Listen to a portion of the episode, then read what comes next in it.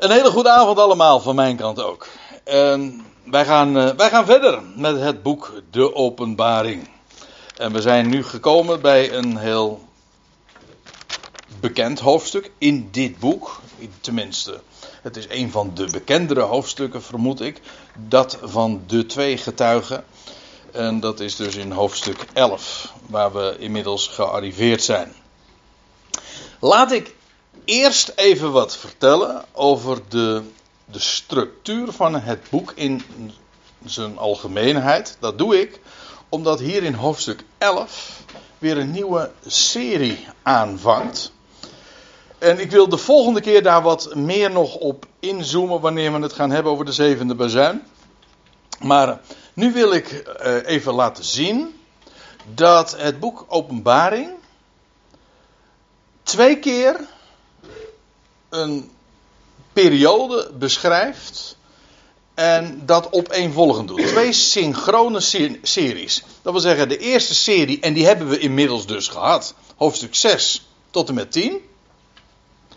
En nu gaan we een serie aanvangen van hoofdstuk 11 tot en met 19. En dat is prachtig opeenvolgend. Want Eerst de periode van de 42 maanden of de grote verdrukking. Die speciaal voor Israël ook is. Wel, die wordt beschreven in hoofdstuk 6. Dat hoofdstuk over de zes zegels ook. Diezelfde periode wordt ook beschreven in hoofdstuk 11, in hoofdstuk 12, in hoofdstuk 13. Die periode wordt trouwens in alle drie de hoofdstukken ook specifiek zo genoemd. 42 maanden, 1260 dagen. Maar in ieder geval die tijd. Vervolgens, na de zesde, het zesde zegel, krijg je het zevende zegel. En dat is het zegel waarin ja, Israël inmiddels het eigendom is geworden van de Messias. En de tijd van Israëls herstel. Dat wordt beschreven in hoofdstuk 7. Maar het is ook het onderwerp van de hoofdstukken 14 en 15.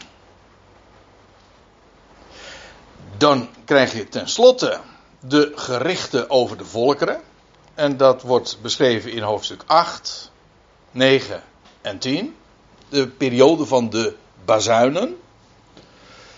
En diezelfde periode wordt ook beschreven in hoofdstuk 16, 17, 18, 19 zodat je dus ziet dat de periode van de 42 maanden, daarna krijg je Israëls herstel en dan gaan de gerichten vervolgens over de volkeren. En eigenlijk zou ik hier nog een kolom naast kunnen tekenen, namelijk uh, de tijd van het vrederijk. Dat is dat de Messias wereldwijd zal heersen over Israël en alle volkeren. Maar goed, dit is het verreweg het leeuwendeel van het boek. En wat hier zo opvallend is, is dat het perfect chronologisch ook is. Gewoon, dus je krijgt dus hoofdstuk 6, 42 maanden. Daarna Israëls herstel, uh, hoofdstuk 7. En dan de gerichten die volgen over de volkeren. Dat is in hoofdstuk 8, 9 en 10. En vervolgens krijg je de hoofdstukken 11 tot en met 19. Die exact dezelfde periode beschrijft. Namelijk in hoofdstuk 11, 12 en 13 de 42 maanden. Dan in hoofdstuk 14 en 15 de tijd van Israëls herstel. Hoofdstuk 7 en 14 uh, eh, lopen trouwens sowieso parallel, want in beide hoofdstukken gaat het ook over de 144.000. Maar goed, dat is uh, wat we later nog zullen zien. En dan in hoofdstuk 16, 17, 18, 19, waarvan twee hoofdstukken over Babel gaan. Maar die gaan allemaal over die periode nadat Israël inmiddels hersteld is. En de gerichten zich zullen voltrekken over de volkeren. Zodat je ook hier gewoon krijgt 11, 12, 13 over de 42 maanden, hoofdstuk 14 en 15 over Israëls herstel. En uh, daarop volgend, en min of meer valt dit ook samen trouwens, maar uh, de gerichten over de volkeren in 16, 17, 18, 19. Dat is perfecte chronologie. Er zit één maar aan. Uh, die dat het misschien wat ingewikkelder maakt. En dat is deze appendix. En daar gaan we het de volgende keer over hebben. En ik ben eigenlijk blij dat ik het de volgende keer over ga hebben. Want ik moet zeggen, ik zit nog met wat vragen daarover. Namelijk hoe dat, uh, die, die perfecte chronologie. één, uh, je zou haast zeggen, dissonant kent. Namelijk dat, dat die zevende bazuin zou je eigenlijk na hoofdstuk 10 hebben verwacht. Paul. En dan de twee getuigen. Uh, ja, nou ja, dat is hoofdstuk 11 inderdaad. Maar je zou eigenlijk dit gedeelte, die appendix, zou je uh, hier hebben verwacht. Terwijl het hier zich bevindt. Dat is een wat vreemd verhaal. Ik uh, hoop daar de volgende keer wat uh, meer over te vertellen. En als u daar gedachten over hebt, of zeggen, ja, maar André, weet je dat dan niet? Dan, dan hoor ik graag uw, uw mening daarover, uw opinie. En hoe u dat, vooral de onderbouwing daarvan, want dat is vooral wat ik altijd erg interessant vind. Maar dit even dus over de indeling. En vandaar ook dat ik nu, nu we aan hoofdstuk 11 gaan beginnen, dit ook vertel. We krijgen dus nu eigenlijk weer opnieuw, we gaan weer terug naar af. Namelijk, het begint allemaal met die periode van Israëls verdrukking. Namelijk van de 42 maal. En dat is inderdaad het onderwerp waar uh, hoofdstuk 11, vers 1 tot en met 13 over gaan. Dus uh, wat zou moeten verbazen, is de perfecte chronolo chronologische lijn, of chronologisch is misschien niet helemaal het juiste woord, maar de opeenvolgende gebeurtenissen, die perfect zo beschreven worden in een logische, consistente uh, opbouw. En waarbij twee lijnen synchroon verlopen. Deze lijn, hoofdstuk 6 tot 10, verloopt synchroon, gelijktijdig met uh, de hoofdstukken 11 tot en met 19. Nogmaals, met die ene uitzondering, maar daarover nog meer. Nou, dat maakt de indeling, denk ik, ook heel erg. Uh, ja, ik, ik heb ook uh, erboven gezegd simpel. Dat, maar dat lijkt mij ook wel zeer ter zake.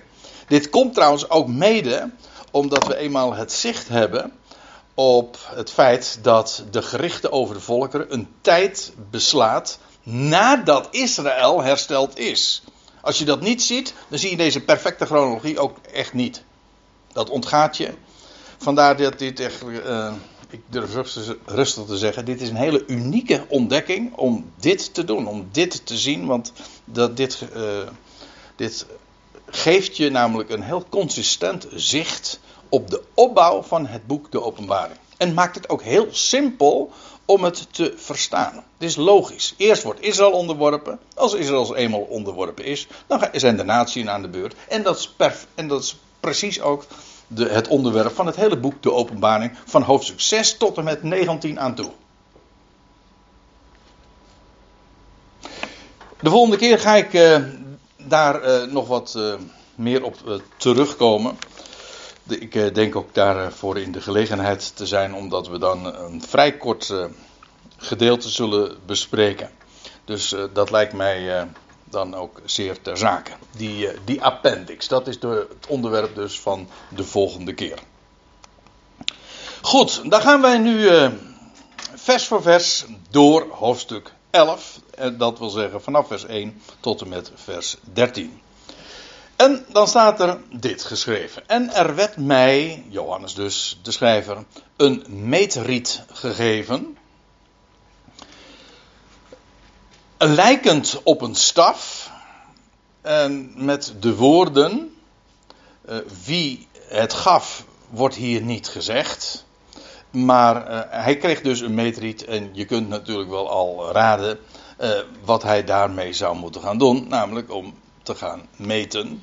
En meten, dat houdt uh, in de Bijbel ook altijd verband met, trouwens uh, bij ons in de praktijk ook, met het bepalen van eigendomsrechten. Hè? Daar is de hele landmeetkunde. Je hebt mensen die daar een beroep voor maken, is het niet Gert? ja, geweest, ja.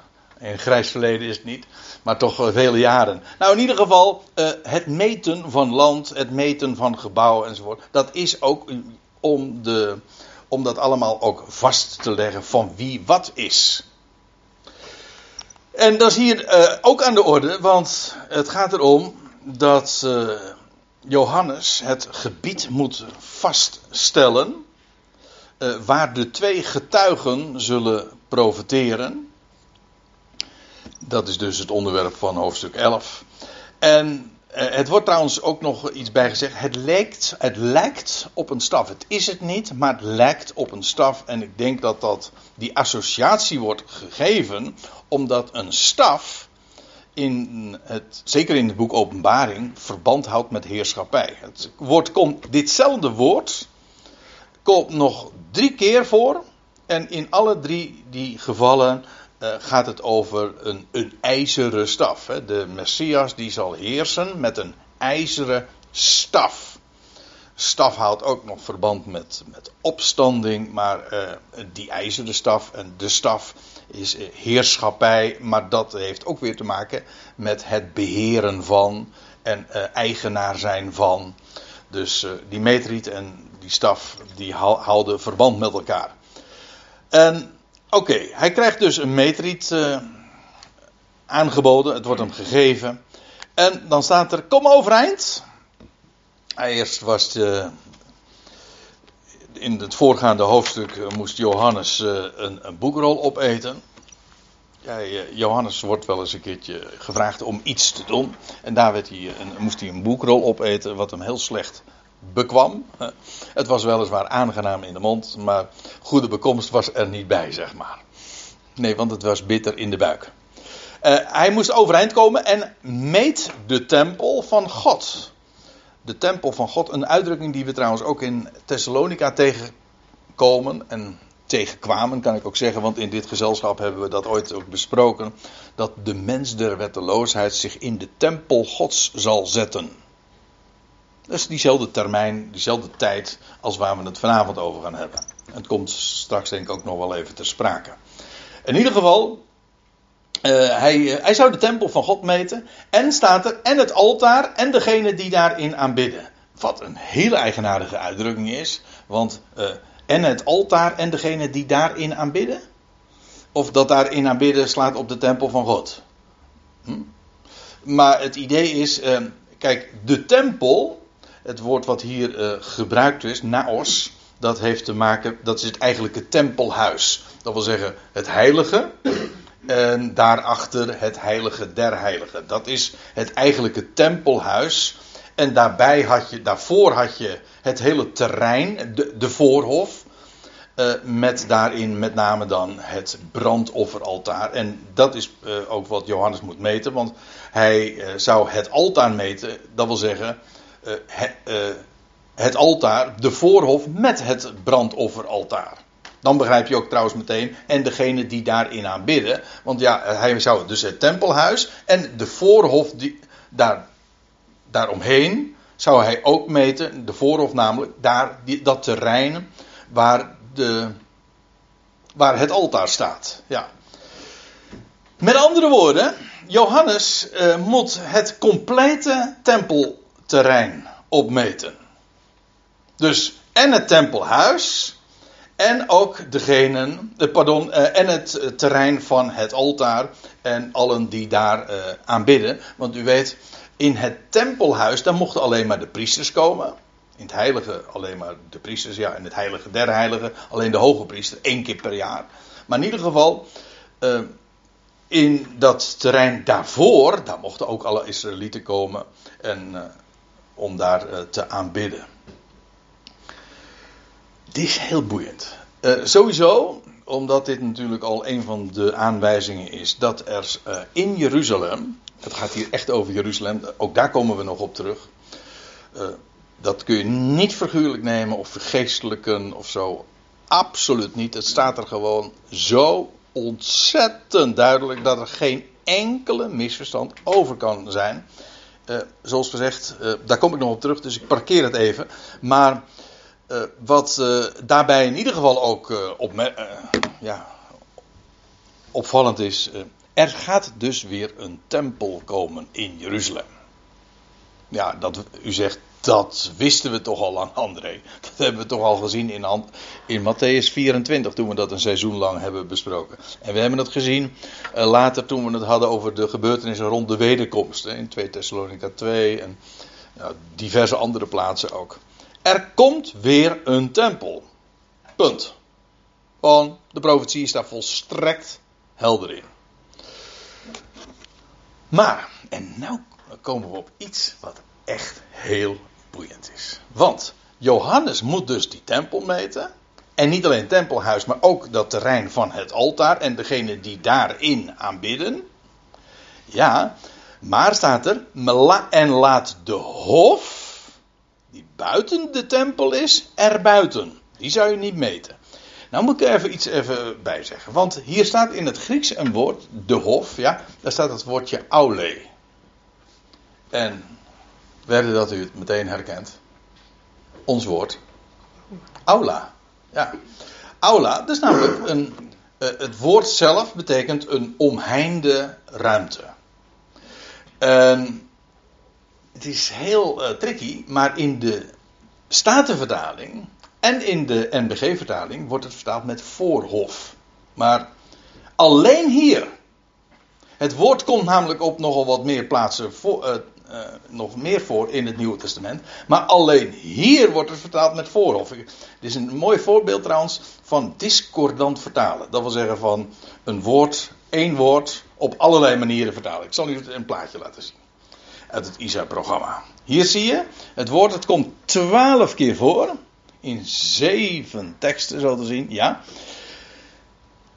En het wordt vertaald met schaapskooi uh, met hof. Uh, een heel aantal keren zelfs. Uh, in totaal vier, zeven keer. Het wordt twee keer vertaald met paleis. Het gaat hier trouwens over de MBG-vertaling. Het wordt een keer vertaald met stal. En één keer met voorhof. En dat is hier dus in, in openbaring 11 vers 1. In zowel de MBG als in de Staatvertaling. Maar alle andere, alle andere keren wordt het dus uh, anders vertaald met schaapskooi, een hof, een paleis, een stal. dat is, uh, ik zei, een vrij voorbeeld van, voor zover je dat dan vrij vindt, kan uh, noemen. Nou ja, het is een vrij voorbeeld van discordantie. Dat wel. Maar in ieder geval, het idee, en dat is wel, wel aardig in deze, als je eenmaal ziet van dat, dat ene woord aule, vertaald wordt met een paleis, een stal, een voorhof of een hof of een schaapskooi, dan, eh, dan uh, probeer je uh, eventjes dat woordje uh, aule daar één beschrijving van te geven. Wat is nou het wezenlijke idee van een aule? Nou, dat is inderdaad een omheinde ruimte. Daar voldoet een schaapskooi aan, een paleis aan, een stal aan, een voorhof aan of een, een hof in het algemeen. Trouwens, ons wordt tuin is dat ook. Hè? Dat is ook, ook een omheind iets. En het Engelse town heeft daar ook weer etymologisch mee te maken. Town, tuin, omtuinen. En, uh, om de tuin leiden kan ook nog. Ja, dat, uh, dat is dan weer werk van de slang, hè. Uh, je kan ook nog je, iemand het hof maken. Maar dat is, dat, nou, dat is weer wat anders om, dat is weer wat anders als eh, om de tuin leiden natuurlijk. uh, Oké. Wat bijzonder is hier, dat Johannes dus de tempel, het, het complete tempelterrein moet meten. Maar hij moet de hof, niet de voorhof, maar de hof, de omheinde ruimte laten we het nog even nader bezien, die buiten de tempel is, die moet hij er buiten laten. Die zou je niet meten. Dat wil zeggen, buiten het tempelgebied, dus dat is het tempelhuis plus het terrein waar het brandofferaltaar staat, eh, daar heb je dus ook nog een hof, een omheinde ruimte. Maar dan is de vraag, wat is dat? Voor ruimte dan? Hoe heet het? Het heet bovendien de hof. Dus het is een, een omheinde ruimte en het krijgt een bepaald lidwoord. Dus het is een, in de grote stad is dat een, een, een enorme uh, grote, of in ieder geval een belangwekkende, omheinde ruimte. Waarover gaat het? En ik moet u zeggen, inmiddels vind ik het totaal niet moeilijk meer. Integendeel zelfs. Want er wordt namelijk nog iets gezegd over die hof, de hof, de aule. Namelijk, uh, die moet niet gemeten worden. Het is buiten het tempelterrein. En deze werd gegeven aan de natie. Werd gegeven aan de natie. Let op dat niet wordt gegeven aan de natie, die werd gegeven aan de natie. Nou, ja, waar gaat het hier over? Nou, gewoon, het gaat hier over het terrein dat aanpalend is, dat wil zeggen, na, zich naast het tempelgebied bevindt. Maar waar de natieën overgaan. En waar zij hun plek hebben, hun terrein hebben. Nou, het gaat gewoon over het grote plein. Waar sinds eeuwen, wat is het, 6, 13 eeuwen geloof ik inmiddels. Uh, de rotskoepel staat. U weet wel, die koepel met, die, uh, gouden, met dat gouden dak. Oftewel, dat gebied heet de Haram al-Sharif. Meestal bekend als de Tempelmount, of de, de Tempelberg. Maar, uh, nou, we hebben het er wel eens een keer, geloof ik, zijdelings zo over gehad. Maar de eigenlijke tempellocatie was niet waar nu uh, het zogenaamde tempelplein is. Dat was de burg van Antonia. Want laat ik nog eventjes een paar andere dingen uh, eerst nog zeggen. Dat gebied, namelijk de Haram al-Sharif, die plaats, dat, dat enorme plein waar uh, de rotskoepel staat, dat is inderdaad uh, eigenlijk altijd al het gebied van de moslims geweest. Ja, want daar staat hun tweede heiligdom. Of het is het een derde? Uh, ja, een derde. Je hebt Mekka, je hebt Medina en Jeruzalem is de derde heilige plaats vanwege die rotskoepel. En, maar ook na 1967, nadat Jeruzalem Joods bezit werd, is dat specifieke gebied nog steeds in, onder het beheer van de natieën. Officieel is het zelfs gewoon het gebied van de Jordaanse koning Hussein. Van dat koningshuis. Waarmee dus gezegd is dat de locatie van de toekomstige tempel buiten de hof ligt. Buiten dat terrein. Dus Johannes die moet de tempelplein meten, of het, echt, de, het tempelhuis inclusief de voorhof, waar het altaar staat. Maar hij moet de omheinde ruimte, de omheinde ruimte, die aan de natieën werd gegeven, die moet hij erbij uithouden. Dat is dus niet het tempelterrein. Dat is daarnaast. Zodat, eh, want het is jarenlang ook eh, het idee geweest van, eh, voor mezelf ook, ja nou die, die rotskoepel die staat er. En die, dat, dat, op een of andere manier zal wel een aanslag komen of een aardbeving, weet je veel, maar die gaat het veld ruimen. En daar moet een, de tempel komen. Nee, nee. wellicht blijft hij er gewoon staan. En daarnaast komt de tempel te staan. Om het eventjes wat. Uh, ik heb er een paar plaatjes. Ik heb het niet zelf gemaakt. Moet ik nog eens een keertje doen. Want nou zie je allemaal uh, weer aanduidingen die weer niet zo uh, ter zake doen. Maar ik heb het vanmiddag even van het internet geplukt. dit is precies de situatie. Dit is dus het vanaf de Olijfberg bezien. De, je ziet de, de, de rotskoepel met dat enorme terrein. De hof dus. En daarnaast, hier, hier komt die tempel te staan. En niet alleen in de toekomst, maar ook in het verleden hebben de tempels daar gestaan. En dit was niet het tempelterrein, dit was het, het gebied waar de, het Romeinse legioen, de fort van Antonia, was gevestigd.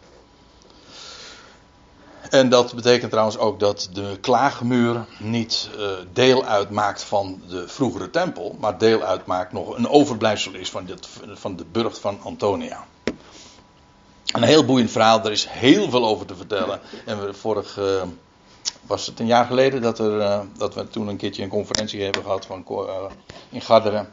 Toen heeft Rijtse Keizer een, uh, een uur lang, vijf kwartier lang, een, een, een, lang verhaal ver, verteld. Of eigenlijk zegt hij een veel te kort verhaal gehouden over, over de locaties van de tempel. een buitengewoon intrigerend verhaal.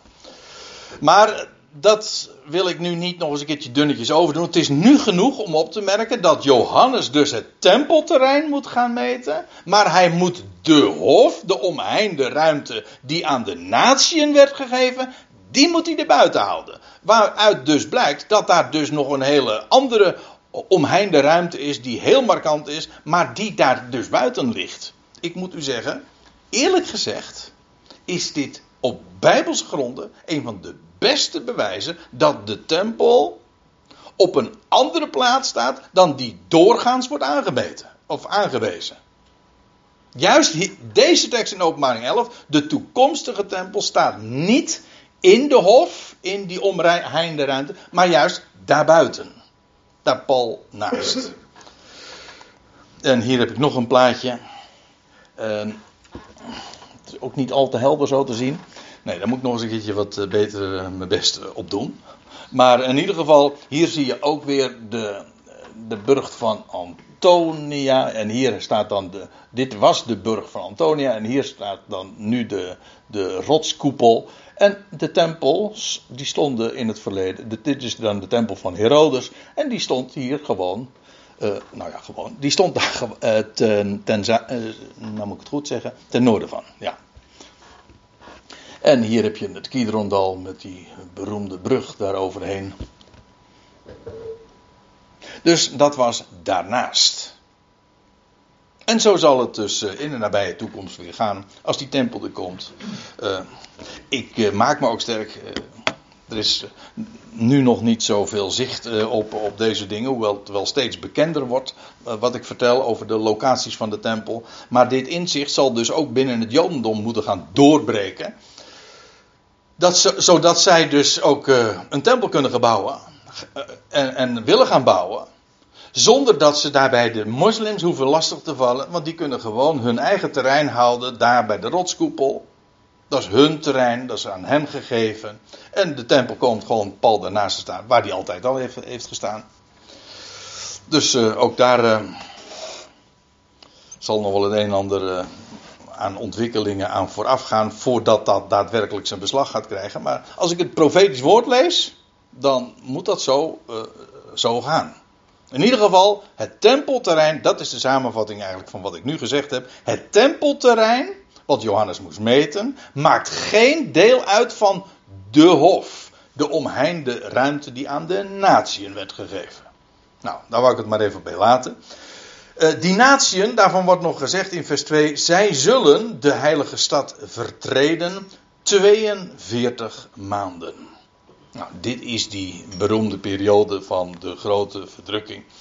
En dat vertreden van de heilige stad is ook omdat als daar een, eenmaal een tempel zal komen, dan zal in eerste instantie dat geweldige uh, zijn en vrede betekenen.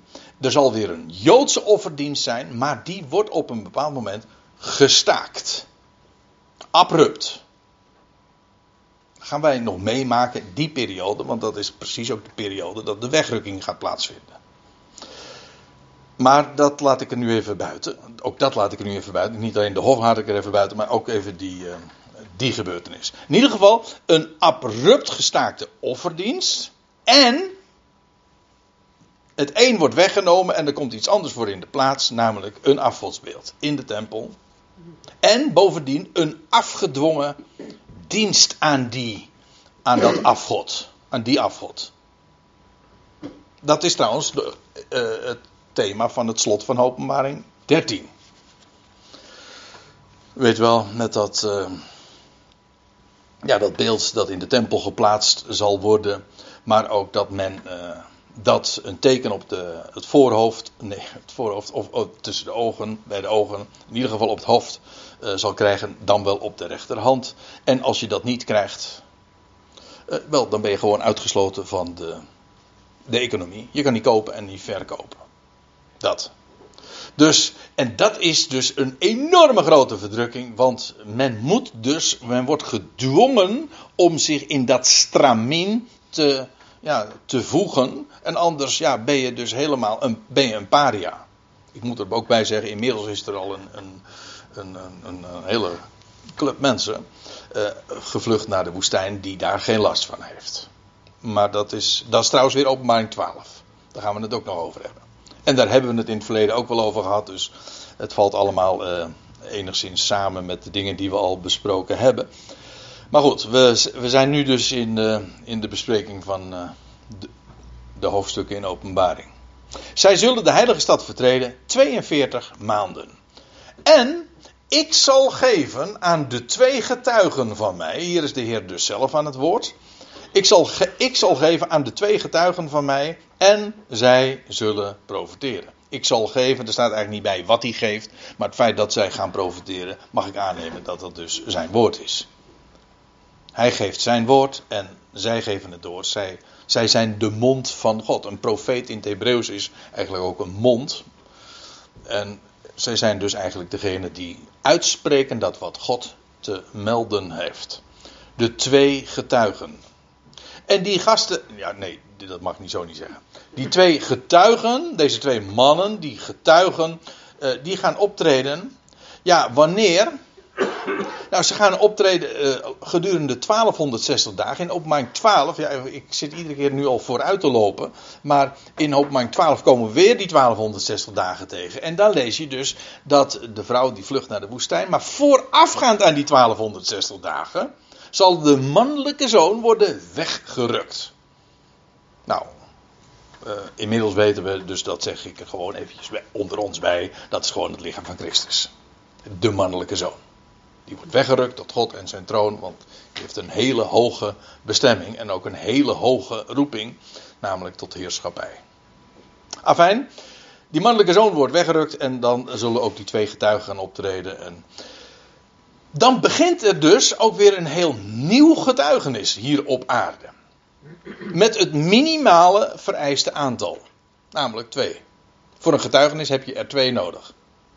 Een, een zaak zal vaststaan bij twee of drie getuigen. Nou, er, wat er gebeurt is, er treden dan twee getuigen van Gods wegen op en zij gaan profiteren. In het hol van de leeuw.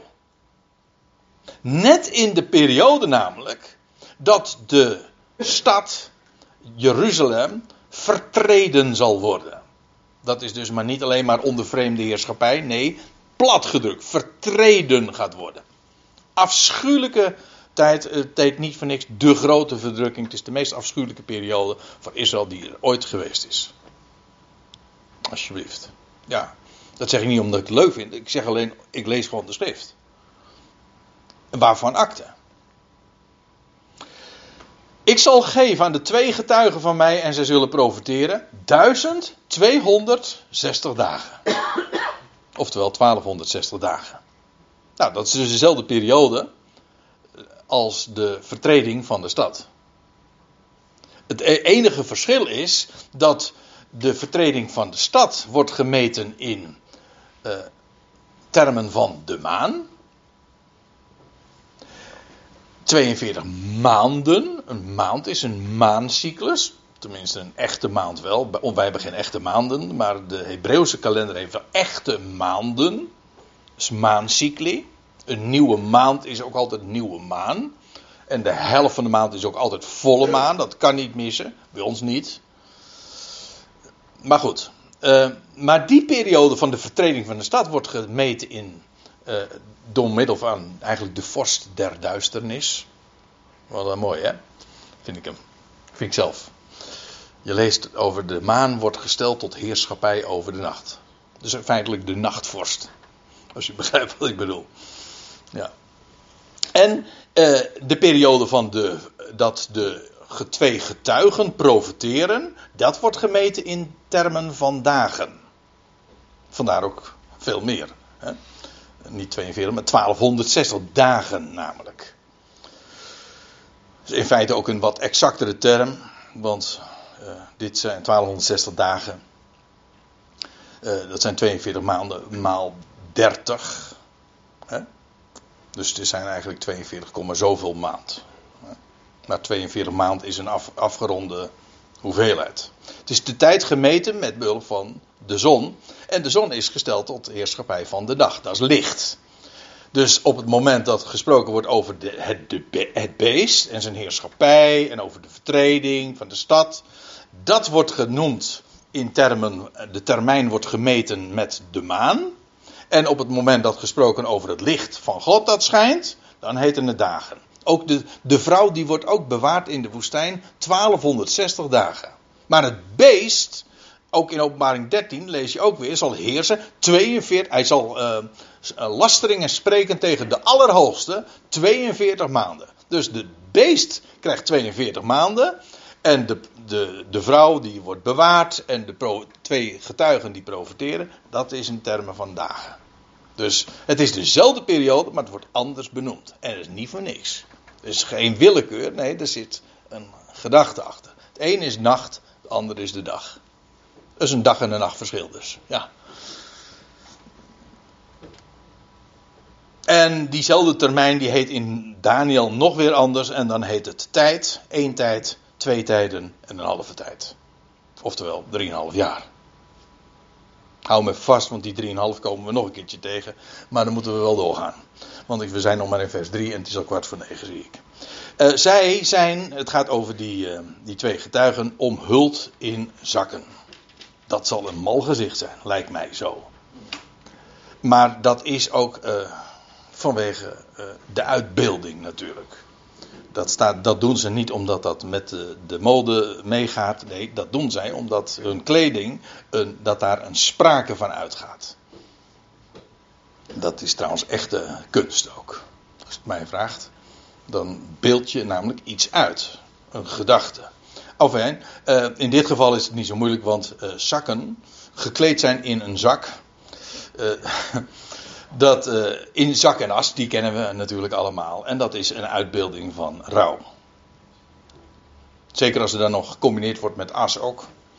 Maar in ieder geval omhuld in zakken. En in feite waarom zij in rouw gekleed zijn, dat is natuurlijk ook vanwege de perioden waarin zij optreden.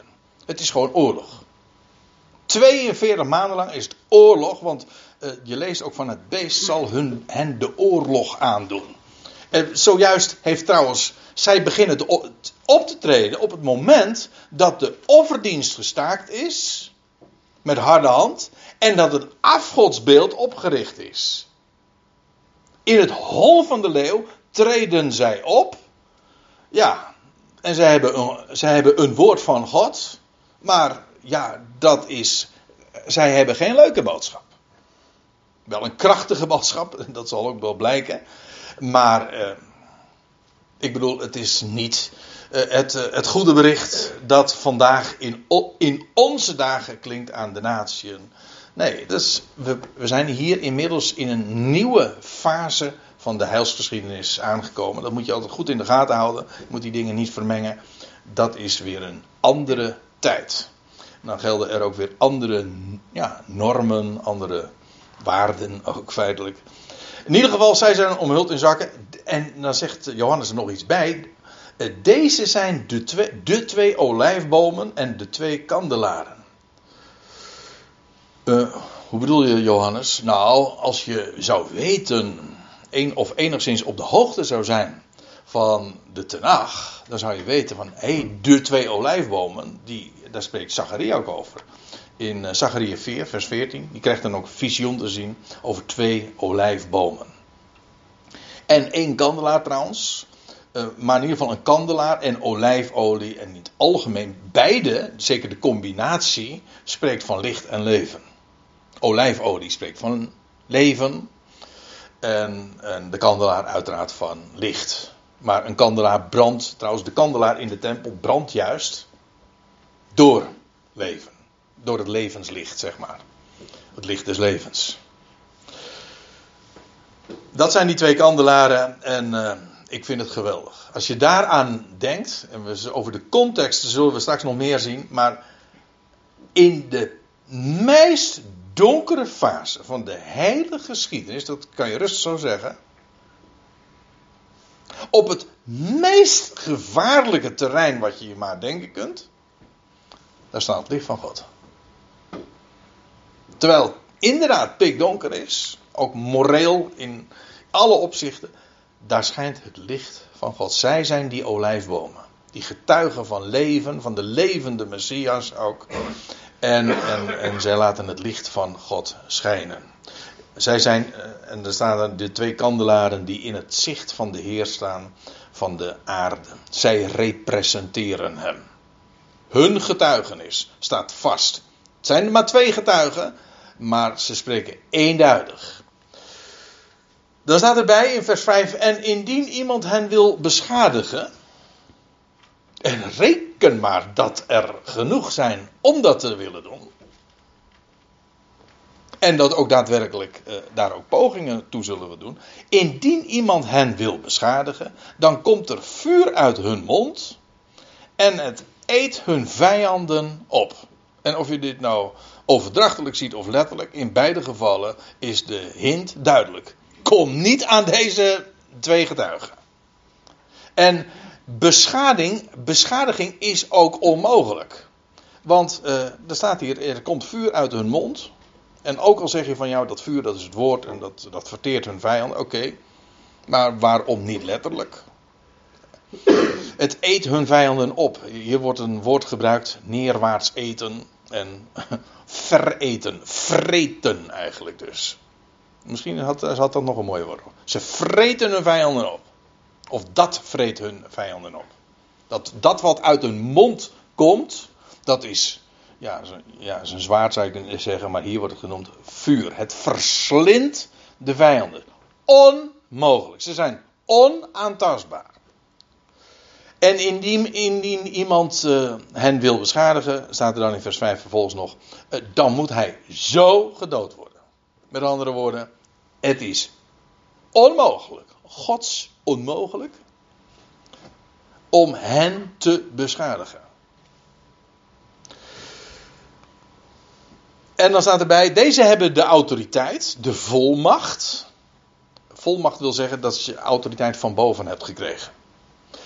Ze hebben het zichzelf niet aangemeten. Dit is gewoon macht van God zelf namelijk. Dit, is geen menselijke, dit zijn geen menselijke vermogens. Dit is maar niet... Uh, een, dat zijn geen aangeleerde trucjes of paranormale vermogens waarbij je de ander zou kunnen bespelen. Nee, dit is absoluut duidelijk dit is van Gods wegen. Zij hebben de autoriteit om de hemel te sluiten. Opdat geen regen zal regenen in de dagen van hun profetie. Strikt genomen staat hier niet dat ze dat ook daadwerkelijk zullen doen. Maar ze hebben de volmacht. Om het dus eh, gedurende de dagen van hun profetie, dat was 1260 dagen dus. 1260 dagen. Om het 3,5 jaar lang niet te doen regenen. hey, Wacht even. Wie was dat ook alweer die dat ook kon? Of tussen aanhalingstekens. Ja, dat deed Elia ooit. Die had ook gezegd: het zal niet gaan regenen in het land. En nou wordt hij helemaal frappant, want hoe lang was dat? Gedurende drie jaar en zes maanden. Exact dezelfde termijn. En trouwens, dat die termijn eindigde met de, dat geweldige gericht op de karmel. Weet je wel, waarbij, wie is nou, wie is nou Yahweh? En dat werd na die 3,5 jaar, werd dat gedemonstreerd en bewezen. Een prachtig profetisch scenario ontvouwt zich gewoon, want je ziet gewoon een, een, een herhaling van de geschiedenis. Hiermee is ook gezegd wie deze twee getuigen uitbeelden. In ieder geval één van. Zij beelden hier Elia uit. Kan niet missen. Want het vermogen wat Elia had, namelijk om het niet te doen regenen gedurende de periode van hun profetie, oftewel 3,5 jaar lang, ja, dat is Elia. Maar we weten van Elia ook dat hij zou komen in de, in de eindtijd het, het laatste verse van eh, ons Oude Testament, in Malachi wordt dat ook gezegd. Dat voordat de grote en geduchte dag van Yahweh komt, zal ik mijn, mijn profeet, Malachi, mijn bode, zenden. En dat is Elia. Ik denk, ja, een, een, vraag apart is: zal dat letterlijk weer dezelfde Elia zijn? Of zal hij in de kracht, in de geest en de kracht van Elia komen? Persoonlijk denk ik het laatste. Net zoals Johannes de Doper, uh, heb je eenzelfde vraag: was dat Elia? Nou, hij representeert wel Elia ook. Hij kwam ook in de geest en kracht, zo staat het er ook. Hij in de geest en kracht van Elia. En vandaar ook dat hij in een kameelharen mantel kwam. En hij had springkanen. Nou, precies zoals je dat ook leest van, uh, van Elia. Maar dat is Johannes de Doper. Dat was ook niet Elia in persoon, maar wel in optreden. Hij representeert de figuur van Elia. En dat is hier ook weer het geval. Uh, niet, degene die dit doet, die, die deze autoriteit heeft, ja, dat is, dat is Elia. En daar, staat nog iets bij, want uh, ja, het waren twee getuigen. En ze hebben de autoriteit dus over om de hemel te sluiten. En ze hebben ook nog een andere volmacht. Namelijk over de wateren om ze tot in bloed om te keren. Dat kan trouwens alleen maar, of zo'n opmerking heeft alleen maar zin als ze dat daadwerkelijk ook doen. Als je dat alleen maar zegt van ja, ze hebben de volmacht, maar ze maken er geen gebruik van. Hoe weet je dan dat ze ze hebben? Je zou kunnen verdedigen dat het is om, uh, om hun te identificeren. Om te zeggen van wacht even, maar dit zijn Elia en Mozes. Ja, Mozes. Uh, van Mozes lezen we dat hij dit daadwerkelijk ook deed. In Exodus 7 dat hij in Egypte was. Trouwens, zij deze twee getuigen treden ook op in de stad die geestelijk genaamd wordt Egypte. Een paar versen later zullen we dat uh, straks ook zien. Maar we weten ook inderdaad dat uh, Mozes en Elia daarmee dus in feite de representanten, de wet en de profeten, Mozes en Elia, die zullen dan verschijnen en optreden en een goddelijk woord hebben. En ja, zij worden ook genoemd in, uh, in Malachi 4. Ik zei al, daar wordt gezegd van Elia. En hij zal ook weer terugroepen tot de woorden van Mozes. Maar het bijzondere van deze twee getuigen is. Ze zullen met het woord van de Tenach, de wet en de profeten, zullen ze wijzen op de Messias. Want zij treden op in de stad waar ook, let op, ik loop nu even vooruit, het is eh, een paar versen later dat we het zullen zien. In de stad waar ook hun Heer gekruisigd is. Hun Heer.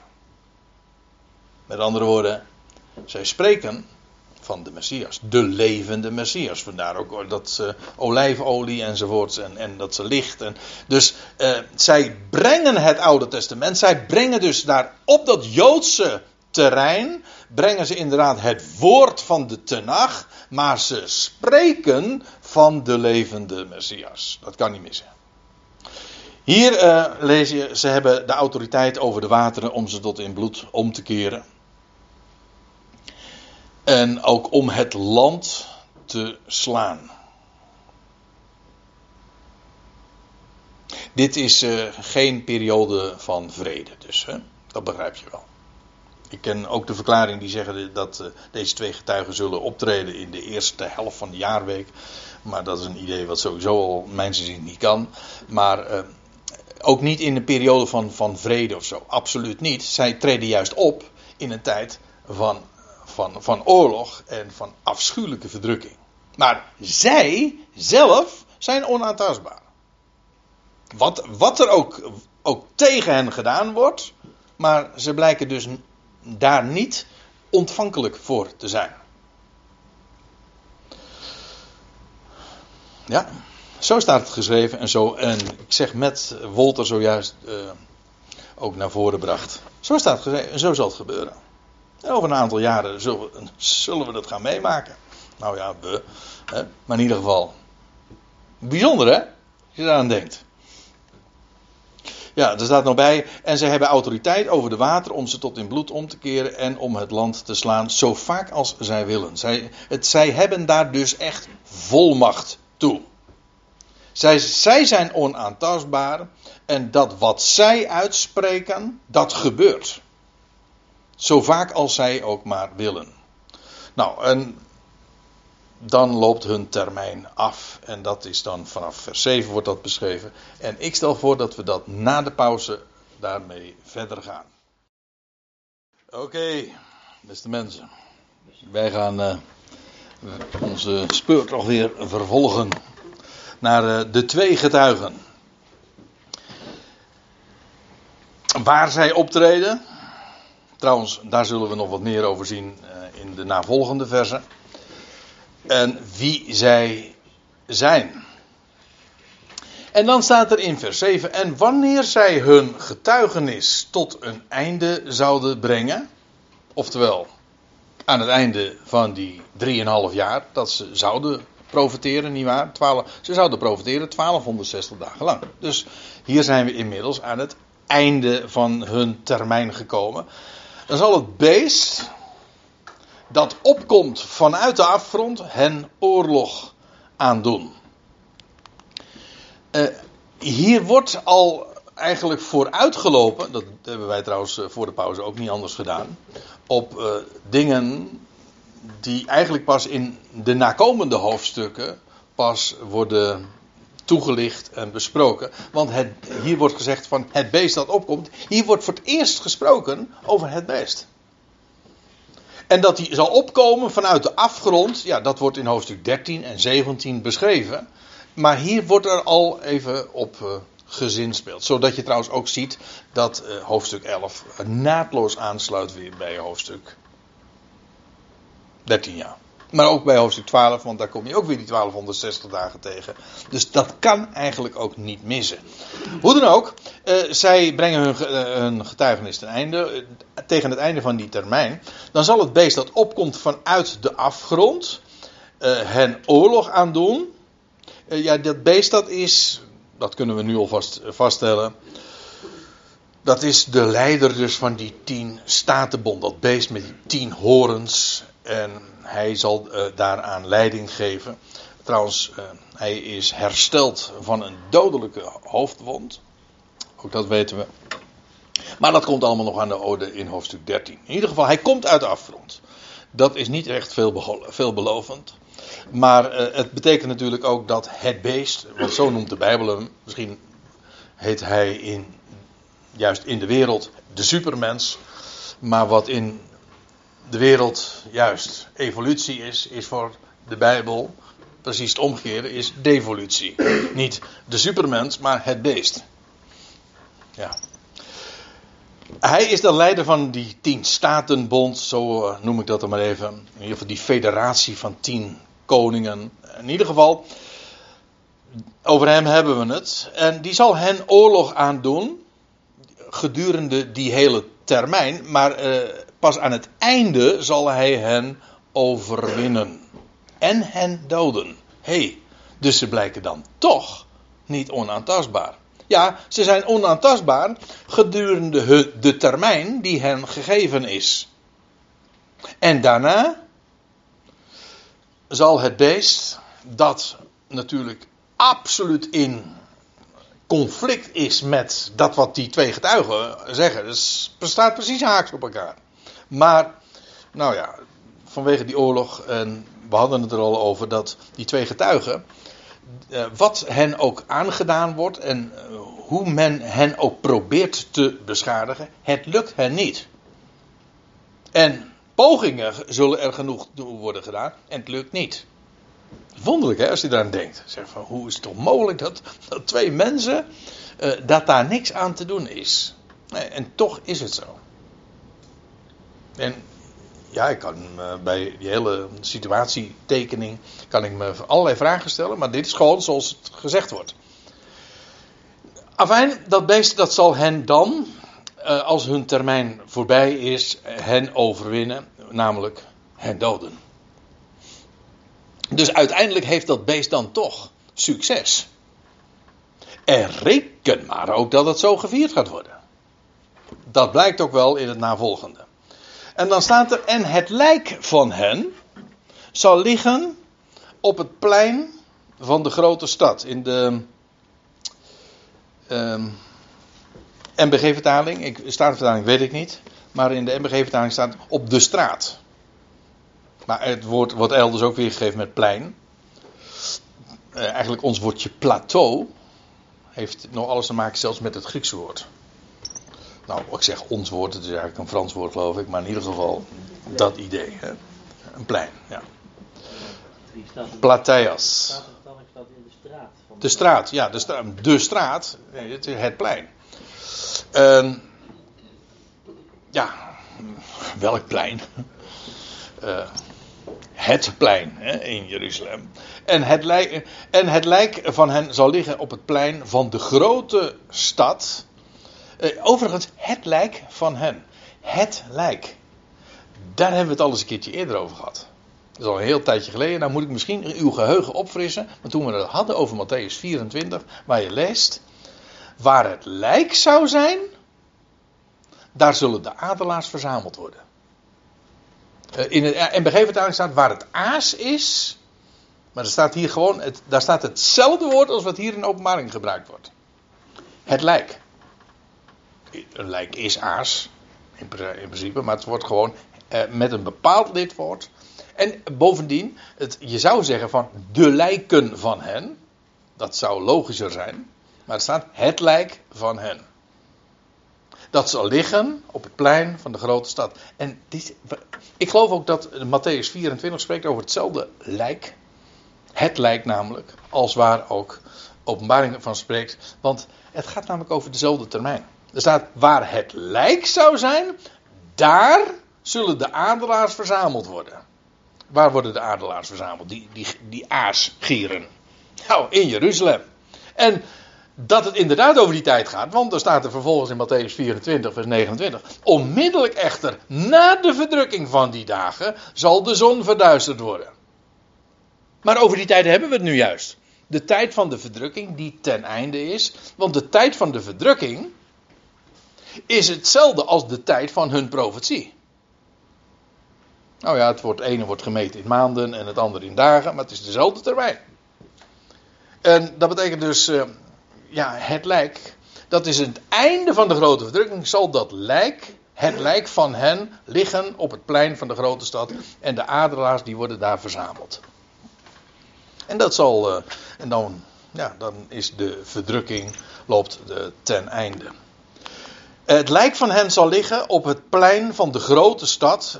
De grote stad, welke grote stad? Ja, over welke stad hebben we het hier? Nou zou je altijd nog kunnen zeggen, ja, maar eh, van Babylon lees je ook dat het de grote stad is. In openbaring 17. Wel, maar laten we verder lezen. De stad, eh, de grote stad, die op geestelijke wijze wordt genoemd. Sodom en Egypte. Dus het is niet letterlijk Sodom en Egypte, maar het wordt geestelijk daarmee vergeleken. Het wordt zo genoemd vanwege de associatie. En uh, Sodom, dat was die plaats die uh, verwoest zou worden. En waar Lot en zijn huis en zijn huisgenoten uit verlost werden, uit moesten vluchten om het veegelijf te redden. Trouwens, dat geldt voor Egypte ook.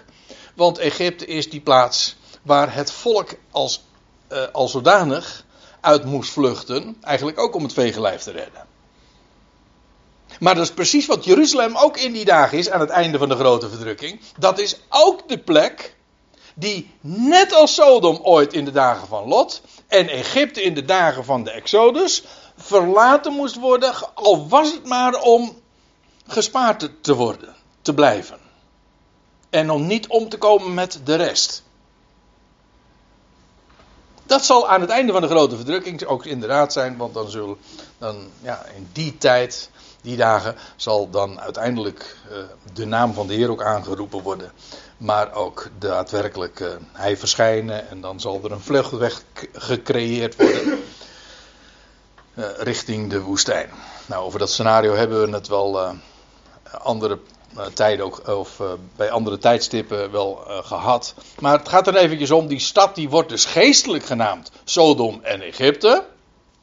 Maar daar staat bij, En nu wordt het de taal letterlijk. Waar ook de Heer van hen, van die twee getuigen dus, werd gekruisigd. Zodat, ik concludeer, voor zover daar al twijfel over was. Als je gewoon straightforward leest, dan kan het sowieso al niet zo hoor. Maar hier wordt het gewoon zo expliciet gezegd. Dat, je, dat ik me absoluut ook geen voorstelling kan vormen hoe als je er onderuit wil dat het hier echt over het geografische Jeruzalem gaat, hoe je hier nog iets anders van kunt maken.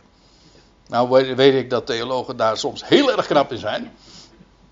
Ik denk wel eens een keertje, volgens mij is het vak daarom ook uitgevonden. Maar goed, dat knippen we er alweer uit, want, want dat klinkt heel erg onaardig. Ja, hoe kun je iets lezen wat er niet staat? Ja. Ja, nou ja, daar kun je je beroep van maken. Uh, goed, zonder dat er geen enkele. Uh, uh, er is geen twijfel over waar dit zal plaatsvinden. Het bewijst trouwens nog iets, en ik stipte het al voor de pauze even aan. Het bewijst ook dat de twee getuigen een messiaans getuigenis zullen laten klinken. Er wordt gesproken over hun Heer. Het is dus de plek waar ooit Jezus werd gekruisigd. Daar. Daar zullen zij profiteren. Voor zover we dat nog niet hadden begrepen. En degenen vanuit de volkeren en stammen en talen en natieën. Internationaal dus. Die bekijken het lijk. Hoe staat het er? Die zullen het zien. Ja.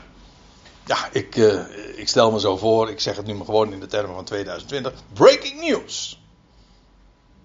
Die twee lastposten daar op het tempelplein, die onaantastbaar waren, uiteindelijk hebben we dan toch ze te pakken. We got them. En we hebben geliquideerd. Drieënhalf jaar lang hebben ze het ons zo moeilijk gemaakt. Maar nu is het dan toch zover. Ze zijn gedaan. Succes! Ja, en, en alle, de hele wereld die ziet dat gewoon gebeuren. En wij vinden dat heel normaal, want ja, je, ziet dat gewoon, je doet het nieuws aan. Of je kijkt op internet en je ziet dat. Maar ik zal u vertellen, dit is 19,5 eeuw. Hm? Hoe kan de hele wereld dat nou zien? Dat daar op het eh, Tempelplein of daar in Jeruzalem, dat daar eh, het lijk van die gasten liggen. Dat kan toch niet? Ja, wij weten inmiddels van, ja, maar dat is niet zo gek. Maar goed. Degenen vanuit de volkeren en de stammen en de talen en natieën die bekijken dat lijk. Ja, televisie. Hè? Je kunt ver kijken dan. Hè? Dat betekent televisie toch? En ze bekijken dat lijk drieënhalve dag. Dus eigenlijk, hoezo drieënhalve dag? Ja, dus eigenlijk voor elk jaar van hun getuigenis één dag. En al die tijd wordt daar niks mee gebeurd. Want ja, weet je waarom? Ja, ze zullen het niet. Er staat nabij. Uh, waarom blijft dat, uh, blijft dat lijk van die twee getuigen daar liggen? Nou, ze, men laat niet toe dat hun lijken worden geplaatst in een graftombe. Want ja, waarom? Nou, hun lijken, dat, uh, dat is een overwinningstrofee. Van het beest namelijk. Dat beest is getergd. En nu heeft hij uiteindelijk, na deze 3,5 jaar, dan toch deze twee getuigen gedood. Nou, dat is, eh, en dat is de reden waarom dat lijk daar blijft liggen, of die lijken, zo u wilt. Ja, hier wordt het weer in meervoud gezegd, ja. Ze zullen niet toelaten dat hun lijken worden geplaatst in een graftombe. En degenen die op de aarde wonen, die verheugen zich over hen.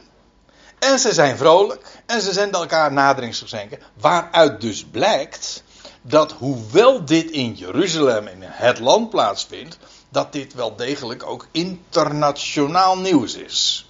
En sterker nog, dat deze mensen, in, deze twee getuigen, deze twee profeten, eh, internationaal ook gehaat zullen worden. Vanwege hun getuigenis. En dat wat ze doen, dat wat ze te, te melden hebben. En nu zijn ze daar eindelijk vanaf en dan, uh, dan is er feest. En ze, ze, verheugen zich daarover en ze zijn vrolijk. En uh, paar dagen carnaval of zo uh, vieren. Hè? Hè? Ja, ja, zo, ik ja. Ja, nou, dat hangt er vanaf wanneer deze dit zal plaatsvinden. Ik denk met, in de zevende maand. Dat wil zeggen met. In de maand Tishri. Want ja, we praten over het einde van de grote verdrukking. Maar goed, dat is een chronologisch verhaal. Dat, gaat nu even niet om. Zij zijn vrolijk. En ze zenden elkaar naderingsgeschenken. Geschenken. Ja, eigenlijk naderingsgeschenken. Doet nu even niet de zaken. Waarom? Nou, omdat deze twee profeten, degene die op de. Uh, hm? Hm? Dat is geen goede zin. Heb ik iets weggelaten? Omdat deze twee profeten, degene die op de aarde wonen, kwellen. Oh ja, dat is wel een goede zin. Ja, natuurlijk. Wacht even, het is wel een goede zin. Omdat deze twee profeten, degene die op de aarde wonen, kwellen. Ja. Eh, en aangezien je zou nog kunnen verdedigen van ja, maar dat gaat hier specifiek over het land. Dat, is, dat zou goed te beredeneren zijn en te verdedigen. Waar het niet dat hier natuurlijk wel gezegd wordt, ja, maar over de hele wereld, uit alle stammen, volkeren, talen en naties, uh, zijn ze hier blij mee. Geeft dus aan dat zij allemaal dus uh, getroffen worden en dat zij uh, buitengewoon impopulair zullen zijn. Nou, deze twee profeten zijn dus een kopie kleiner gemaakt. Nou, in ieder geval gedood. Ja. En, nou komt het. Nou komt het. En na de drieënhalve dag. Zij, zij zou denken van ja, nou nu is het al drieënhalve dag. Hè, dus uh, de termijn is nu zo lang dat, dat, kan, dat kan niet meer fout gaan. En na drieënhalve dag, dan gebeurt er iets bijzonders. In Jeruzalem, op de derde dag trouwens ook. Eh, nou ja, in dit geval drieënhalve dag vindt er opstanding plaats. Daar juicht een toon. Daar klinkt een stem, denk ik haast. Ja, die gaat door gans Jeruzalem. Want hier, wat hier gebeurt, is namelijk opstanding. Maar in tegenstelling tot de opstanding van ooit van onze Heer. Drie, uh, het begin van onze jaartelling. Toen was het een verborgen ding. Ik bedoel, de Heer is uh, gelegd in een graf. En nooit heeft de wereld meer iets van hem vernomen. En alleen de intimie, nou ja, honderden weliswaar, maar die hebben hem nog gezien, had de Heer ook gezegd. Jullie zien mij niet meer. Ja, pas als Jeruzalem zal zeggen, gezegend hij, die komt in de naam van hem. Dan. dan. Maar hier, deze twee getuigen, terwijl de camera's op die twee lijken daar liggen, al drieënhalve dag. Ze worden, mogen niet bijgezet worden in een graf. Dan ineens staat en na de drieënhalve dag kwam geest van leven vanuit God in hen. Ze worden levend. Dat is wat er staat. En zij dat niet alleen, ze worden niet alleen levend, ze kwam geest in hen, jawel, dat is, dat is levendmaking, opwekking. Maar ze staan ook op. Dus niet helemaal, het zijn twee verschillende dingen: leven, eh, opwekking en opstanding. Opstanding is een fysiek gebeuren. Je staat op. Hè? Dat betekent je bent in een liggende positie en je staat op. Je wordt eerst gewekt, dan sta je op. Logische volgorde. En ze stonden op hun voeten en staat er grote vrees viel op degene die hen aanschouwde. De hele wereld dus, want iedereen uit alle volkeren kon dat zien. Grote vrees. Ja, dit is namelijk een publiekelijke opstanding. Zodat het feest in ene keer omslaat. Ook. We praten hier, ik wil eventjes er nog heel nadrukkelijk op wijzen. We praten hier over de tijd van het einde van Israëls grote verdrukking. Wat vindt er dan plaats? Dan komt de Heer terug. Zodat het levend worden van deze twee getuigen en hun opstanding samenvalt met in dezelfde tijd dat de Heer zijn voeten zal zetten op de olijfberg. Nou, laten we eerst nog even verder lezen. Vers 12. En zij, dat zijn dus die twee getuigen, zij hoorden een grote stem vanuit de hemel tot hen zeggen: Ga hier een omhoog. Dus ze worden levend, dus ze staan op, maar bovendien, ze gaan ook, ze varen op ten hemel. En dan staat, en ze gingen omhoog, tot in de hemel. Ja, zo staat het er echt. Ik kan me voorstellen dat ik zeg, dit is, hè? Ik zet mijn beelden van hoor. Echt? Ja. En ze gingen omhoog tot in de hemel, in de wolk. Hé, hey, maar wacht even. Uh, daar weet ik meer over. Want lezen we niet in Lucas 21. Dit is het einde van de 1260 dagen dus. Hè? Dat is toch helder, hè? Dus 1260 dagen profiteren ze. Dan vervolgens uh, worden ze gedood. Vervolgens staan zij op. En aan het einde van die periode. Uh, ze staan op en ze varen op ten hemel. En ze varen op in de wolk. Maar aan het einde van hun. Uh, of als zij ten hemel varen. Dan valt dat samen met de verschijning van de Messias op de Olijfberg. Je leest in Lucas 21. En dan zullen zij de zoon van de mens zien komen in een wolk. Soms wordt het ook in meervoud gezegd. Hier wordt het in het enkelvoud gezegd. Ik denk dat het ook alles te maken heeft met diezelfde wolk, die Shechina, of die mobiele godstroon, zoals het wel genoemd wordt, die we ook in Ezekiel, maar die ook ooit Israël al zag bij eh, de, gedurende hun woestijnreis. De wolk. En uh, ze, zien, ze zullen de zoon van de mens zien komen in, in wolk. Eigenlijk zo staat het er. Niet zozeer een wolk, in wolk. Uh, nou ja, hoe je dat verder ook moet uitleggen. In ieder geval met macht en veel heerlijkheid.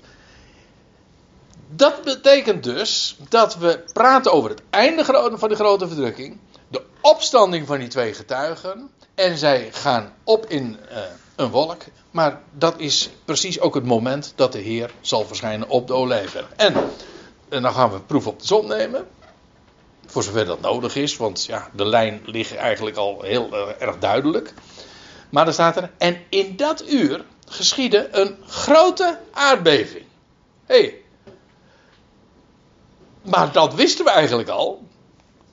Want wat zal er gebeuren als de Heer zal verschijnen? Dan zal de olijfberg scheuren. Nou, reken maar dat als je daar dan in Jeruzalem bent, dat de aarde dan beeft hoor. En in openbaring 6, weet u nog bij de zes zegels? Bij het zesde zegel, daar staat er, en ik nam waar, toen hij het zesde zegel opende, een grote aardbeving. Exact dezelfde term. Een grote aardbeving. Maar dit is ook weer diezelfde tijd. Het zesde zegel, want lees maar even door. En ik, nam waar, eh, toen hij het zesde zegel opende, een grote aardbeving geschiedde. En de zon werd zwart als een haren zak. En de maan werd geheel als bloed. Maar dat is precies een van de tekenen, de begeleidende tekenen van de verschijning van de Heer op de olijfberg. Dan zal de zon en de maan verduisterd worden. En een grote aardbeving geschieden. De olijfberg zal midden doorsplijten. Precies wat we hadden kunnen verwachten. En feitelijk wat hier gezegd wordt. En in dat uur geschiedde een grote aardbeving. Precies daar in Jeruzalem, want daarover gaat het hier. Zie je hoe, hoe de hele schrift zo uh, uniform is en eenduidig, unaniem in haar getuigenis. Gewoon alle schriftplaatsen spreken van dezelfde dingen. Dit is wat er gaat gebeuren. En hoe onvoorstelbaar dit dus ook, ook is, want uh, u mag rustig weten. Uh, soms als ik hier zit en ik vertel deze dingen wat hier staat, denk ik van, sta ik hier nou, of zit ik hier nou science fiction te vertellen? Dit is, ja, dit is Gods woord. Zo, zo staat het er. En dit, soms start het je beschrijving, of uh, je, je voorstellingsvermogen. Aan de andere kant, ik heb geen moeite mee om het, om het zelfs haast ook haast niet om, om te visualiseren zelfs. Dit is gewoon duidelijk. En in dat uur geschiet een grote aardbeving. En staat er nog bij, en het tiende deel van de stad, die grote stad, Jeruzalem dus, al waar ook hun Heer gekruisigd is, die viel. Er zal uh, ongetwijfeld nog veel, uh, veel meer uh, in de hele stad gebeuren, maar in ieder geval een tiende van deel van de stad viel gewoon. uh, werd verwoest. En er staat nog iets wonderlijks bij. En er werden 7000 namen van mensen gedood in de aardbeving. De formulering bevreemd. Want er, werden, er staat niet 7000 mensen gedood, maar namen van mensen. Uh, namen, namen van mensen. Ze hebben, die mensen hebben naam. En als u het mij vraagt, gaat het hier gewoon over mensen van naam dus. Die daar werden gedood in de aardbeving. U moet zich ook namelijk voorstellen dat dit de tijd is.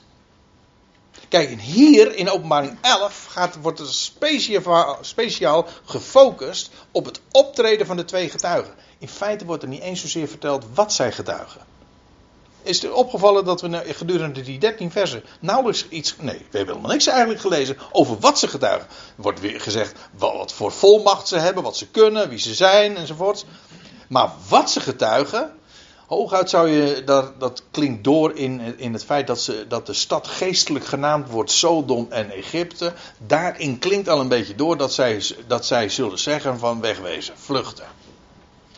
Maar dat is eigenlijk meer op basis van wat je uit de rest van de schrift weet dan uit Openbaring 11 zelf. Maar in diezelfde periode, aan het einde van die periode, ja, dan zullen de volkeren ook zijn opgetrokken naar Jeruzalem. Hun leeg, dus zo staat het ook in Zachariah 14. De volkeren zullen in, ten strijde optrekken tegen Jeruzalem. Daar is gewoon ook een internationale delegatie. Er is heel veel daar aan de hand. En, ja, en dat daar dus uh, eh, 7000 mensen van naam zijn die daar uh, worden gedood. Dus in werkelijkheid zal het uh, dodenaantal nog veel groter zijn. Maar er worden 7000 namen, van mensen gedood. laten we nog even lezen ook hoe het eindigt. En de overigen werden zeer bevreesd. En gaven heerlijkheid aan de God van de hemel. De overigen, die worden in de Bijbel heel vaak zo genoemd. De rest. Of het overblijfsel. Dat zijn van die uh, termen die met name in de profeten heel dikwijls gebezigd worden. De rest. In feite het resterende deel. Dat wat niet omgekomen is. Wat overgebleven is. De ontkomenen dus ook. De overigen, die niet getroffen werden, Buiten die 7000 van naam ook. En de overigen, die nog leefden, die werden zeer bevreesd. Ontzag ook. En ze gaven heerlijkheid aan de God van de hemel. En als u mij vraagt, is dat een beschrijving van een daad van geloof. Maar aangezien we hier spreken over de tijd van het einde van de grote verdrukking, de verschijning van de Heer op de Olijfberg,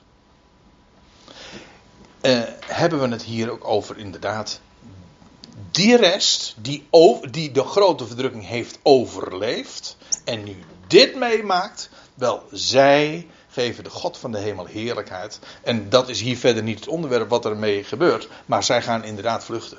Maar dat is niet zozeer wat hier staat, maar dat weten we dan weer uit met name Zachariah 14. Dat als de, zijn voeten zullen staan op de olijfberg, die dan midden doorsplijt, dus die grote aardbeving. Staat trouwens nog bij, hè? dat wil ik tenslotte nog even noemen. Zachariah 14 wordt er nog gezegd. Ik heb hier even geen diaatje van. Maar ik heb er wel een bladzijde van in de Bijbel.